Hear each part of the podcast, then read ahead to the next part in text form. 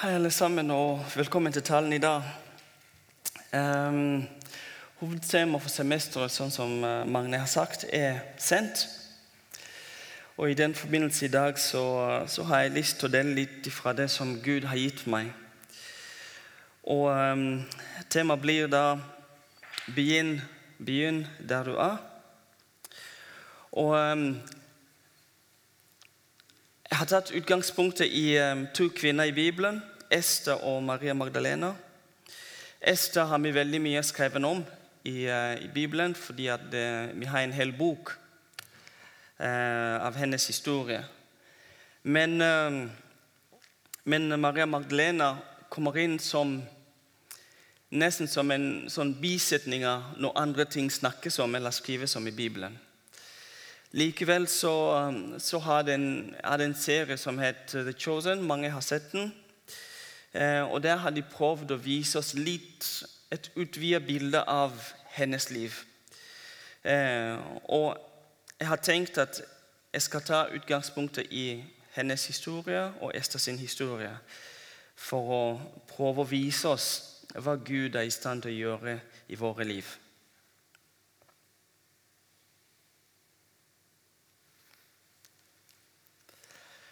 Så den, på denne, på denne sida så har vi Maria Magdalena, som ikke vi vet veldig veldig mye om. Eh, for hun dukker opp i Det nye testamentet på den tida Jesus lever da.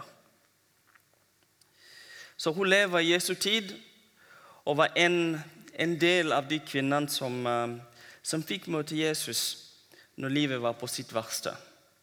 Helt i bånn. De var heldige på den måten at de, eh, de ble helbredet av Jesus selv.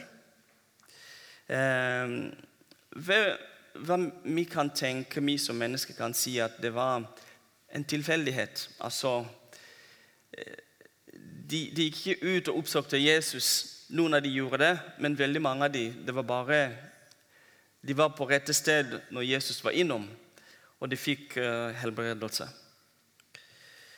Så det var, ikke, det var ikke tilfeldig sånn sett. Gud hadde planlagt det. Men menneskelig sett så var det sånne tilfeldigheter som gjorde at de fikk møte Jesus. Og så fikk de veldig dyp og oppriktig kjærlighet til Jesus. Og ble vitne til, til veldig mye av det Jesus gjorde mens han var her på jorda sammen med de tolv disiplene. Så hvis vi ser Ja, litt liten skrift, men uh, vi bruker det sånn. Lukas kapittel 8, 1-3. I tiden som fulgte, reiste Jesus omkring i, uh, og, forkynte, og forkynte i byene og landsbyene og bar fram det gode budskapet om, Jesu, om Guds rike. De tolv var med han, og noen kvinner som var blitt helbredet uh, for onde ånder ånder og eh, sykdommer. Det var Maria med eh, til, eh, tilnavnet Magdalena, som sju onde ånder hadde fart ut av.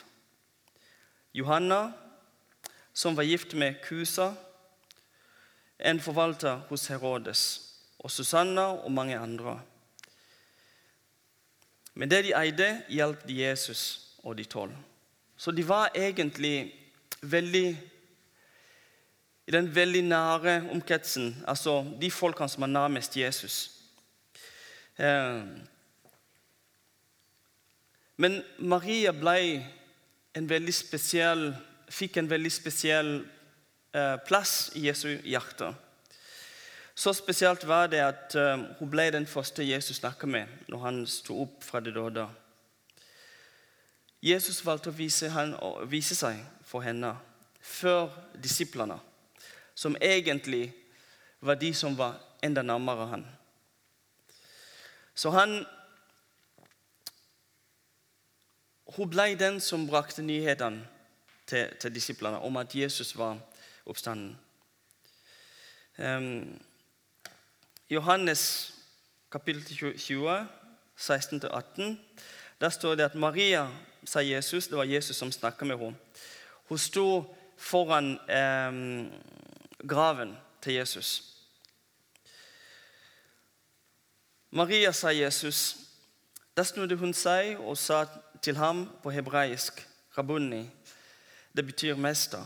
Jesus sier til henne, rør meg ikke, for jeg Ja, rør meg ikke, eh, for jeg har ennå ikke steget opp til far.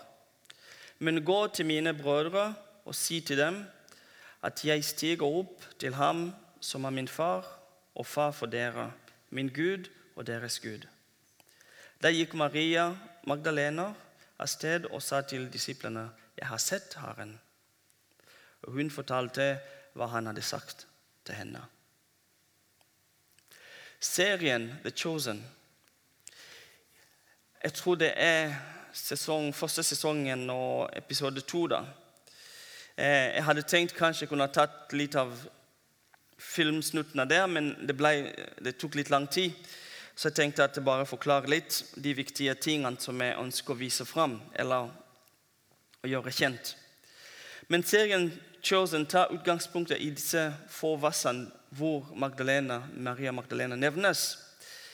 Og du ser at det er, det er ikke lange det er ikke lange bibelvers som beskriver så, så mye om, om henne. Eh, men det gir oss et innblikk i hennes liv.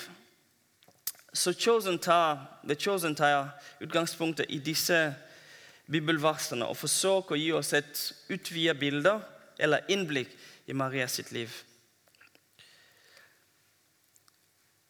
Hun var besatt av syv onde ånder som førte til at hennes liv ble ekstremt vanskelig.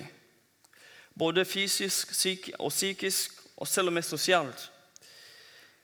På det verste så På det verste så gjorde hun uh, fysisk skade på seg selv og på, på de som, um, som var i nærheten av henne. Sosialt så ble hun uh, den kvinnen med onde ånder som alle skulle absolutt ikke komme seg nær. Altså, alle skulle ligge langt under henne.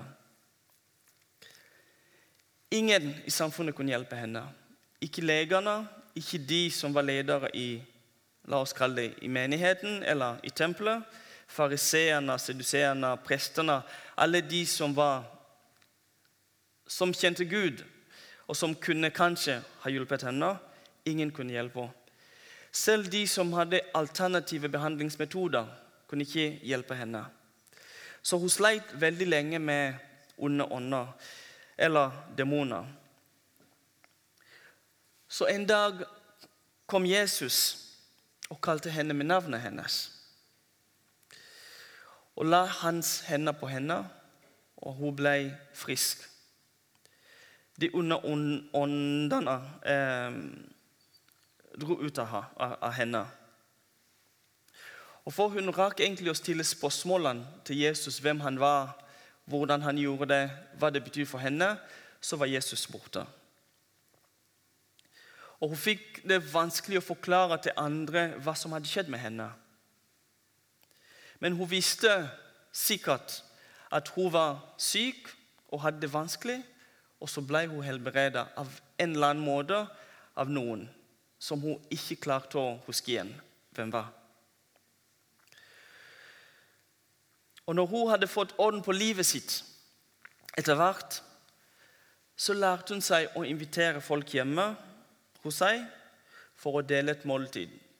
Eh, jødene jeg tror fram til i dag de har et måltid som, het, som heter shabbat, hvor de samler folk og de sitter sammen og deler. Eh, en gjest for å vise takknemlighet til Gud eh, og til andre mennesker rundt seg. Så hun måtte lære seg å invitere folk hjem til seg. Men husk at hun sosialt sett så var hun utenfor. Så hun hadde ikke noe sånn kjempemange venner som hun kunne invitere hjem. Og hun ble ikke invitert heller veldig mye til andre. Så hun inviterte de som ingen andre kunne invitere til seg. Det er de hun fikk invitere hjem til seg. Og på den måten så fikk hun invitere inn selv Jesus en gang. Sånn plutselig sto Jesus på døra. Og Hun visste ikke hvordan hun skulle invitere Jesus inn, men, ja, men hun gamle klarte seg, klarte seg fint, syns jeg. Men i hvert fall, her har vi ei kvinne som ikke kan veldig mye om Jesus. Som ikke har veldig mye kunnskap om Gud. Hun hadde levd i en eh, jødisk familie, så hun kjente litt til religionen. Men ikke så veldig, veldig mye. Og hadde et veldig vanskelig liv og ble satt utenfor samfunnet på et vis.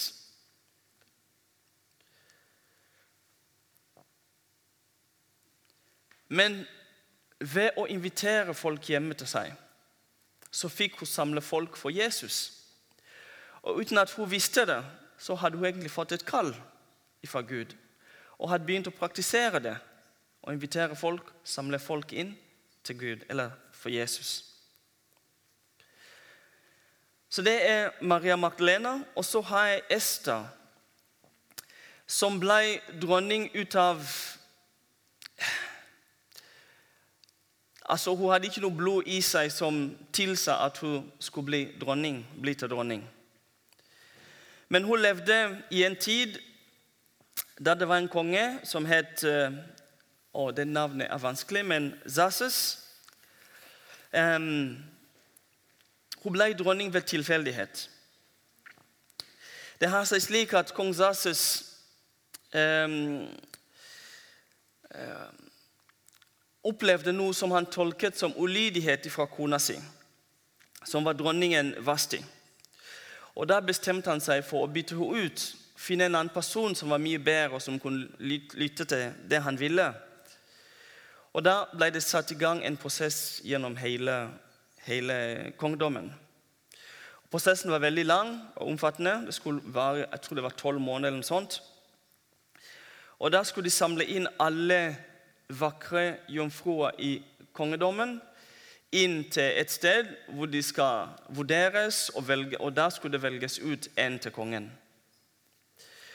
Og valget falt på hun, eh, Esther. Og hun var egentlig, hun var egentlig adopter, et adoptert mann og fra en Kall det feil folkeslag. Eller folkegruppe. da. Hun var jøde.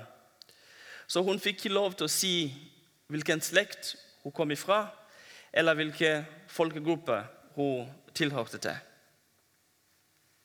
Det er nesten, det er nesten som om hun blir smugla inn på et vis inn til dronningstatus av han Mordekai, som var, som var bror til hennes far, men som tok ansvar for henne når faren døde.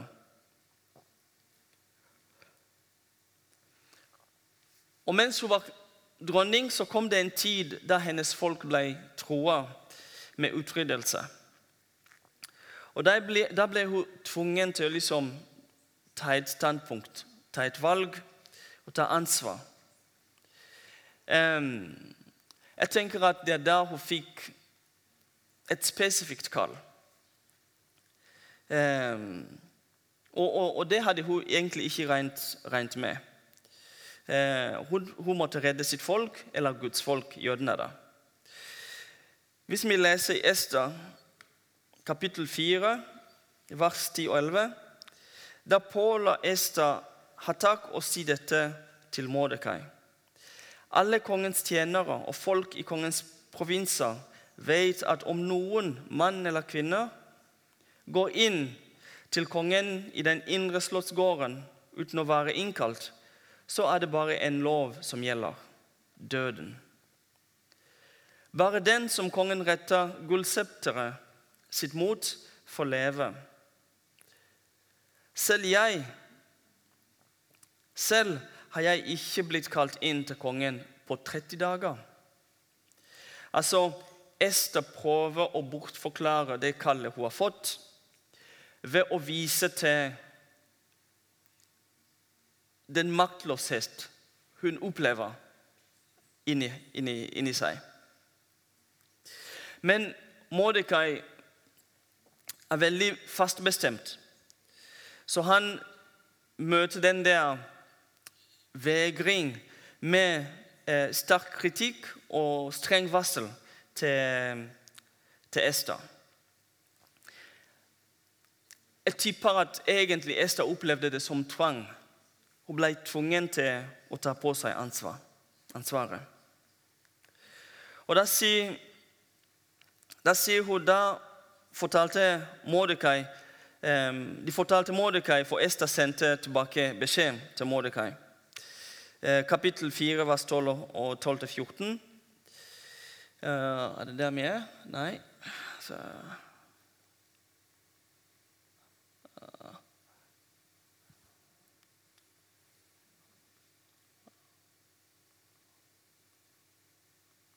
Der. Da fortalte, Mordecai hva Esther da fortalte de Mordekai hva Ester hadde sagt. Mordekai ba dem om å si til Ester Tro bare ikke at du som, de, du som den eneste av jødene skal berge livet fordi du er i kongens slott. For om du tier i denne tiden, vil hjelp og redning komme til jødene fra et annet sted. Og mens du er til, fra, fra et annet sted, mens du og dine fars hus vil gå til grunne. Og hvem vet om det ikke, eh, om det ikke er for en tid som denne at du har fått dronning, dronningrang? Da skjønte Esther i hvert fall at hun måtte ta ansvar for kallet eh, som hun hadde fått. Og Den kallet var nokså tydelig. Folket var troa. Hun var i en posisjon, en posisjon hvor hun kunne bruke makten sin for å påvirke kongen. Eh, og Da måtte hun ta ansvar for å redde eh, folket sitt.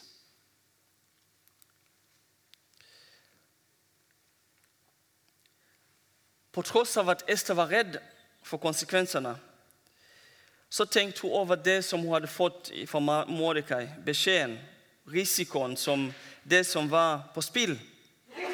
Og da valgte hun å lytte til det. Lytte til det.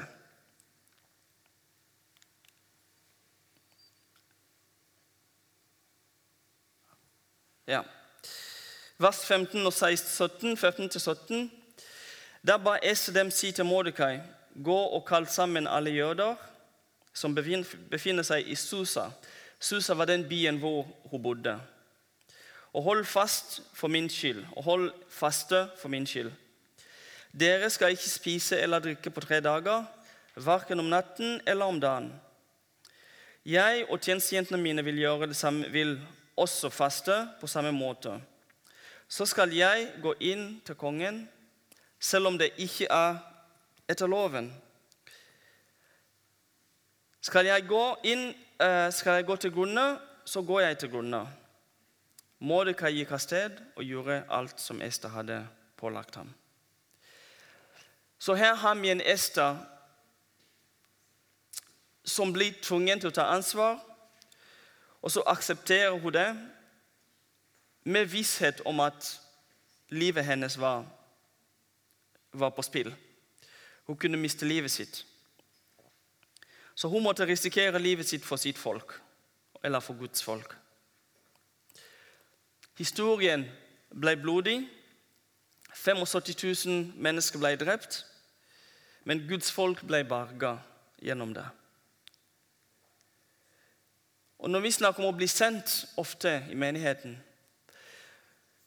så bruker vi store ord som kalt, som jeg har brukt i dag. Nådegaver, forkynnelse, inntil vanns ende. Veldig mange store uttrykk som er vanskelige å forstå. Men her har vi to eksempler av kvinner som tar utgangspunktet i deres situasjon til å tjene Gud, uten å nødvendigvis tenke veldig mye om disse store ord som vi snakker om. Jeg tror ikke Ester sto og tenkte at nå har jeg fått et kall, nå må jeg gjennomføre det. Hun bare tenkte at ok, vi har en situasjon her, her må vi handle. Og så har vi Maria Magdalena, som egentlig ikke har noen forutsetning for å være en i, i nærheten i en av de nærmeste til Jesus. Fordi at um, Hun kunne ikke så mye om Skriften den gangen. Um, Tora, som er den gamle testamentet for oss. Um, som ikke kunne noen ting om et kall. Hun visste ikke egentlig at det fins noe sånt. Kjente ikke Jesus så godt sjøl, men allikevel gikk fram og gjorde ting som gjorde at mennesket ble kjent med Jesus. Så på den ene sida så har vi en kvinne som er bevisst. Ester, som vet at det er mye som står på spill. Og så har vi på den andre enden Maria Magdalena, som egentlig bare svever. Hun har bare opplevd ting og bare går med flyten. På den ene vi har et tydelig kall, en tydelig beskjed til Ester. På den andre sida har vi stort sett opplevelser for Maria. Men trenger vi noe mer enn det, egentlig? Trenger vi noe mer enn det?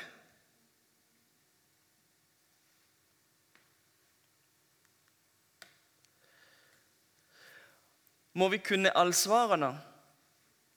Må vi ha all makten? Må vi ha respekten i samfunnet? Må vi, må vi kunne Bibelen utenat for vi skal tjene Gud, for vi skal gå ut?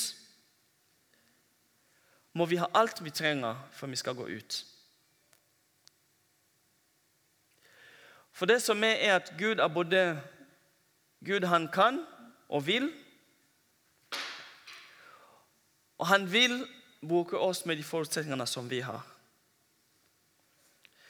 Og skulle vi av en eller annen grunn gå på en smell, så egentlig hviler det på han å gå gjennom den, den smellen med oss. Utfordringen for oss i dag er å velge å gå. Utfordringen for oss i dag er å velge å gå. Vi er sendt det nytter ikke å stå og tenke at ok, jeg venter til Gud har sendt ned engelen til å møte meg i drømmen for at det skal gå. Det er ikke nødvendig. Vi har nok til at vi kan gå ut. Gud har sendt oss. Bring Hans ord til folk, eller legg til rette for at andre skal kunne høre Guds ord. Og må Gud hjelpe oss, hjelpe oss til å begynne der vi er. Begynn der du er. Begynn der du er. Og må Gud hjelpe oss. Må Den hellige ånd komme og bo i oss og hjelpe oss til å forstå at vi trenger ikke å ha alle svarene. Vi trenger ikke å ha alt, alt på stell for å kunne gå ut. Vi er sendt. Da må vi begynne der vi er. Og Så skal det synges en sang her nå. Jeg ber om at mens den sangen går, at vi tenker på det synet vi har på oss sjøl, our self-image our self image in relation to the call God has given us to go out. Se på selvbildet ditt i lys av at Gud har sendt oss ut. Se på selvbildet ditt i lys av at Gud har sendt deg ut. La oss be. Far, vi takker deg veldig for den vi er. Takker deg veldig for det vi har. Takker deg veldig for at du har valgt oss og kalt oss og sendt oss. Vi ber om at du Du hjelper oss til å stå støtt i deg.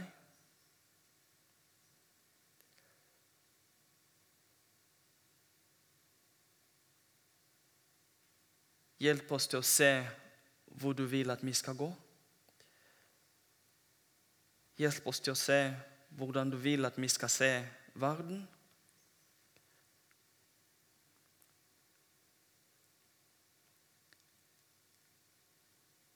And I pray that, Lord, you help us overcome fear.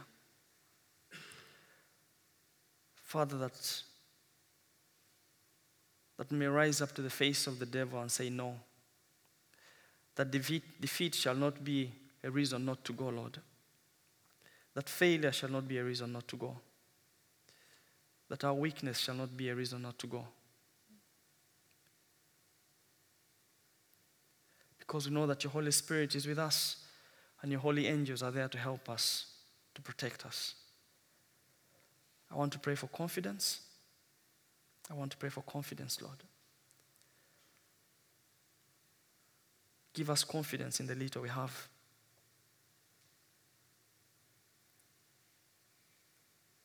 Because even with two fish and five loaves, you can feed thousands, Lord. Show us your, show us your face, show us your ways, Lord. In Jesus' name. Amen.